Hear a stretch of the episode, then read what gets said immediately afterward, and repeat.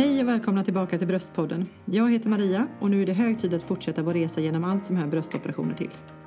Idag har vi kommit fram till operationsdagen och i det här avsnittet så kommer vi prata om vad som händer och vad du behöver tänka på inför din operationsdag. Vi pratar även om hur operationen i sig går till och hur det borde gå till när man vänder sig till en professionell klinik. Vi kommer diskutera stegen inför operationen och de förberedelser som patienten och kliniken gör. Vi går även in på processen att sövas för operation för att ni som inte opererats tidigare ska få en inblick i hur det fungerar med narkos.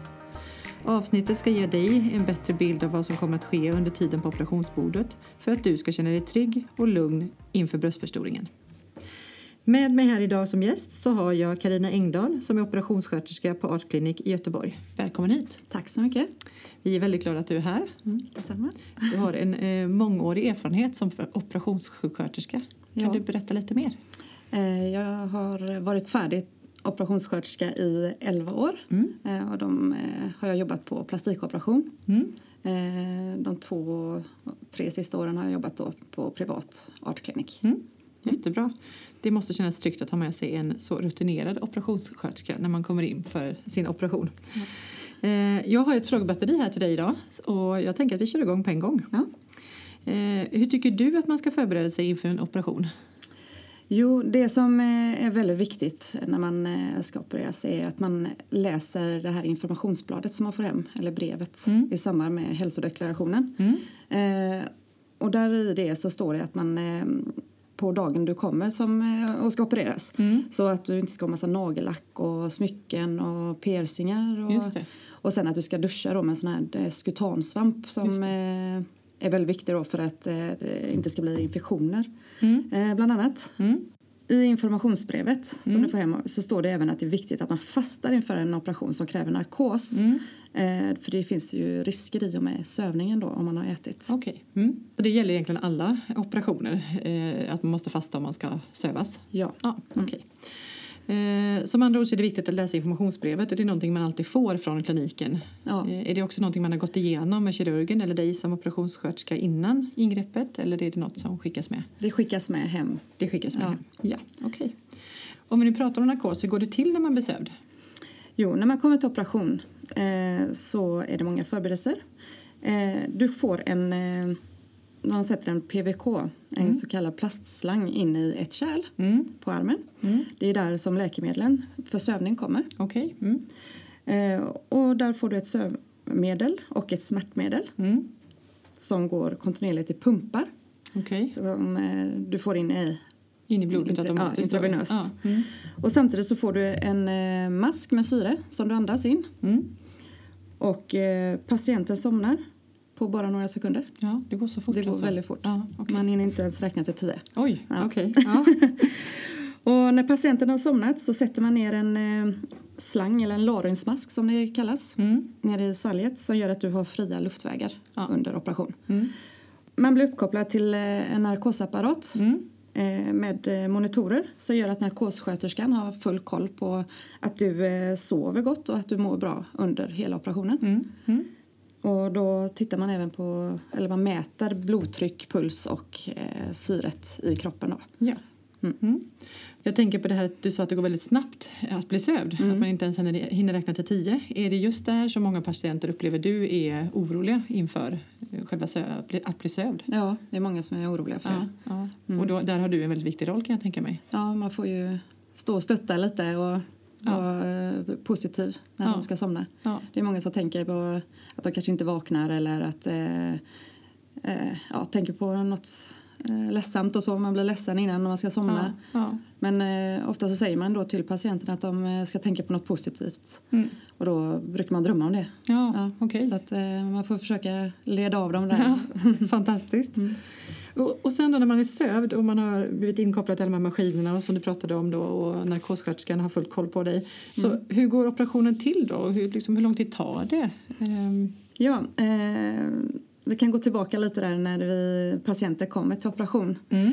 Eh, då förbereds eh, patienten eh, på preop som det kallas. Mm.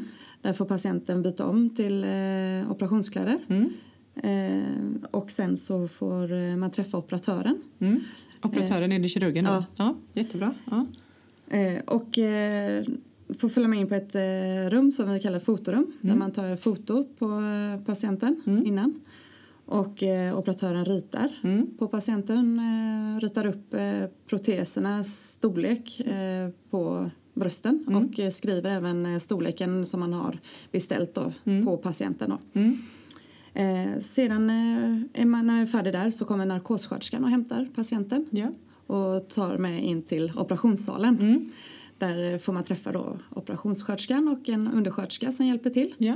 Och eh, där tar vi emot dem och så tittar jag som operationssköterska att eh, jag har eh, rätt proteser inne på sal. Ja. De ligger ju i förpackningar som, eh, där det står på då vad det är för några Ja. eh, proteser. Och då tittar jag på det som eh, kirurgen har skrivit på patienten. ja. Så det är verkligen Ja, dubbel, det- dubbelkoll här så det inte kan bli fel. Nej, det låter precis. tryggt tycker jag. Mm. Och sen så får ju då eh, patienten lägga sig på operationsbordet. Mm. Och då tar narkossköterskan och kopplar upp patienten till narkosapparaten och de här pumparna med sömningsmedel. Och patienten får somna. Mm. Och då går jag ut och tvättar mig, steriltvättar mig, tar på munskydd och eh, kommer in på sal och tar på mig min eh, sterila rock och handskar. Mm. Och jag har dukat mitt bord med alla instrument och sånt tidigare då Ja. så att jag eh, tar på mig det. Eh, sen eh, så är det jag som tvättar patienten med Mm. klorhexidinsprit, steriltvättar patienten och klär in med sterila dukar. Mm. Sedan kommer kirurgen in Mm. När jag har, förberett patienten. Ja. Ja, och nu börjar operationen. ja. Och det första vi gör är att lägga lokalbedövning. Jaha, Ja. ännu mer bedövning. Ja, och det är samma som tandläkaren använder. Jaha. Den innehåller adrenalin. Och det gör att blodkärlen drar ihop sig så att man inte blöder lika mycket under operation. Jaha, okej. Och sen har man även eh, inte så ont efter operation. Så Så det det är är, lite- förberedande Ja. för efter operationen då. Smart. Mm. Känns skönt. Tryggt. Ja. Och sen så eh, när man lagt eh, bedövningen så eh, lägger man ett snitt. Eller själva snittet Mm. läggs vanligtvis eh, i eh, bröstvecket under. Ja. För att det inte ska synas så mycket efter och så. Mm. Mm. Eh, och sen så går man igenom vävnaden och fett och så även muskler. Ja. Och eh, så gör man en liten ficka eller håla kan man säga. Som eh, är lika stor som den protesen man ska sätta i då. Mm. Och sen så för man in protesen när, den, eh, när man har fått färdigt hålan. Mm. Så för man in protesen så att, ja, så att den ligger på rätt ställe och på plats. Okej. När man har fått protesen på rätt plats och det ser bra ut och så. Mm. Och då syr man igen eh, operationssåret. Mm. Och då använder man en eh, sutur som är resorberbar. Mm. Och då löser den upp sig själv efter ett par månader. Okej. Så man behöver inte ta bort några stygn och sånt. Det låter ju Mm. skönare, Ja. tänker jag spontant. Ja. Mm. Efter det så tejpar man eh, operationssnitten. Mm. Och så tar jag bort sterildraperingen och så väcks patienten. Ja. Mm. Och hur lång tid tar hela den här operationen då, som du har gått igenom nu? Eh, det tar ungefär 45 minuter, själva operation, operationen. Men sen är det lite förberedelser då, och sen även efter då. Ja. Och då kommer vi till den här egentligen, tänker jag, den viktigaste frågan många har. Hur mår man när man vaknar efter en bröstoperation? Eller det kanske inte alla mår på samma sätt, men det måste finnas någon liksom vanligtvis. Jo, eh, idag så har man väldigt eh, moderna och ultrasnabba läkemedel. Mm. Eh, och det gör att man eh, vaknar väldigt snabbt. Mm. Och eh, man mår sällan illa. Och även att man kan gå hem fort. Okej. Så det tar bara ett par timmar så kan du vara på fötterna och gå hem. Ja, det är ju helt fantastiskt. Ja. Ett sånt stort ingrepp Mm. tänker man ändå. Ja, precis. Men är det det vanligaste att man, patienter får gå hem eh, eller är det faktiskt så att man kan få ligga kvar på, kliniken eh, om man vill? Eller hur funkar det? Nej, de flesta går hem. Ja, Ja, det gör det. Ja. Så det är, det är ingen som sover över med Nej. de här bröstproteserna. Så. Nej, Nej. det låter ju fantastiskt. Mm. Hur känns brösten då direkt efter operationen när man vaknar där på britsen? Ja. eh, jo, man har ju ett väldigt kraftigt tryck över bröstet. Ja, Vissa kan säga att det nästan känns som att man har en elefant stående på bröstet. oj då. Ja. Ja. Så det, är- det är det. Och sen är de väldigt eh, spända och svullna. Ja. Och, eh, man har ju ont. Liksom. Man har ju ändå eh, varit och grejat innan och tagit eh, sönder muskel och lite sånt. Så att det, det, det. gör ont. Ja. Mm. Hur, hur länge kan man förvänta sig att brösten är svullna och gör så ont? Då? Eh, ont ska du inte ha så eh, jättelänge. Det är ett par dagar. Ja. Och svullnaden går ner eh, efterhand också, någon vecka. Ja. Mm. Så det går också relativt fort Ja. faktiskt ändå. Då. Ja, vad skönt.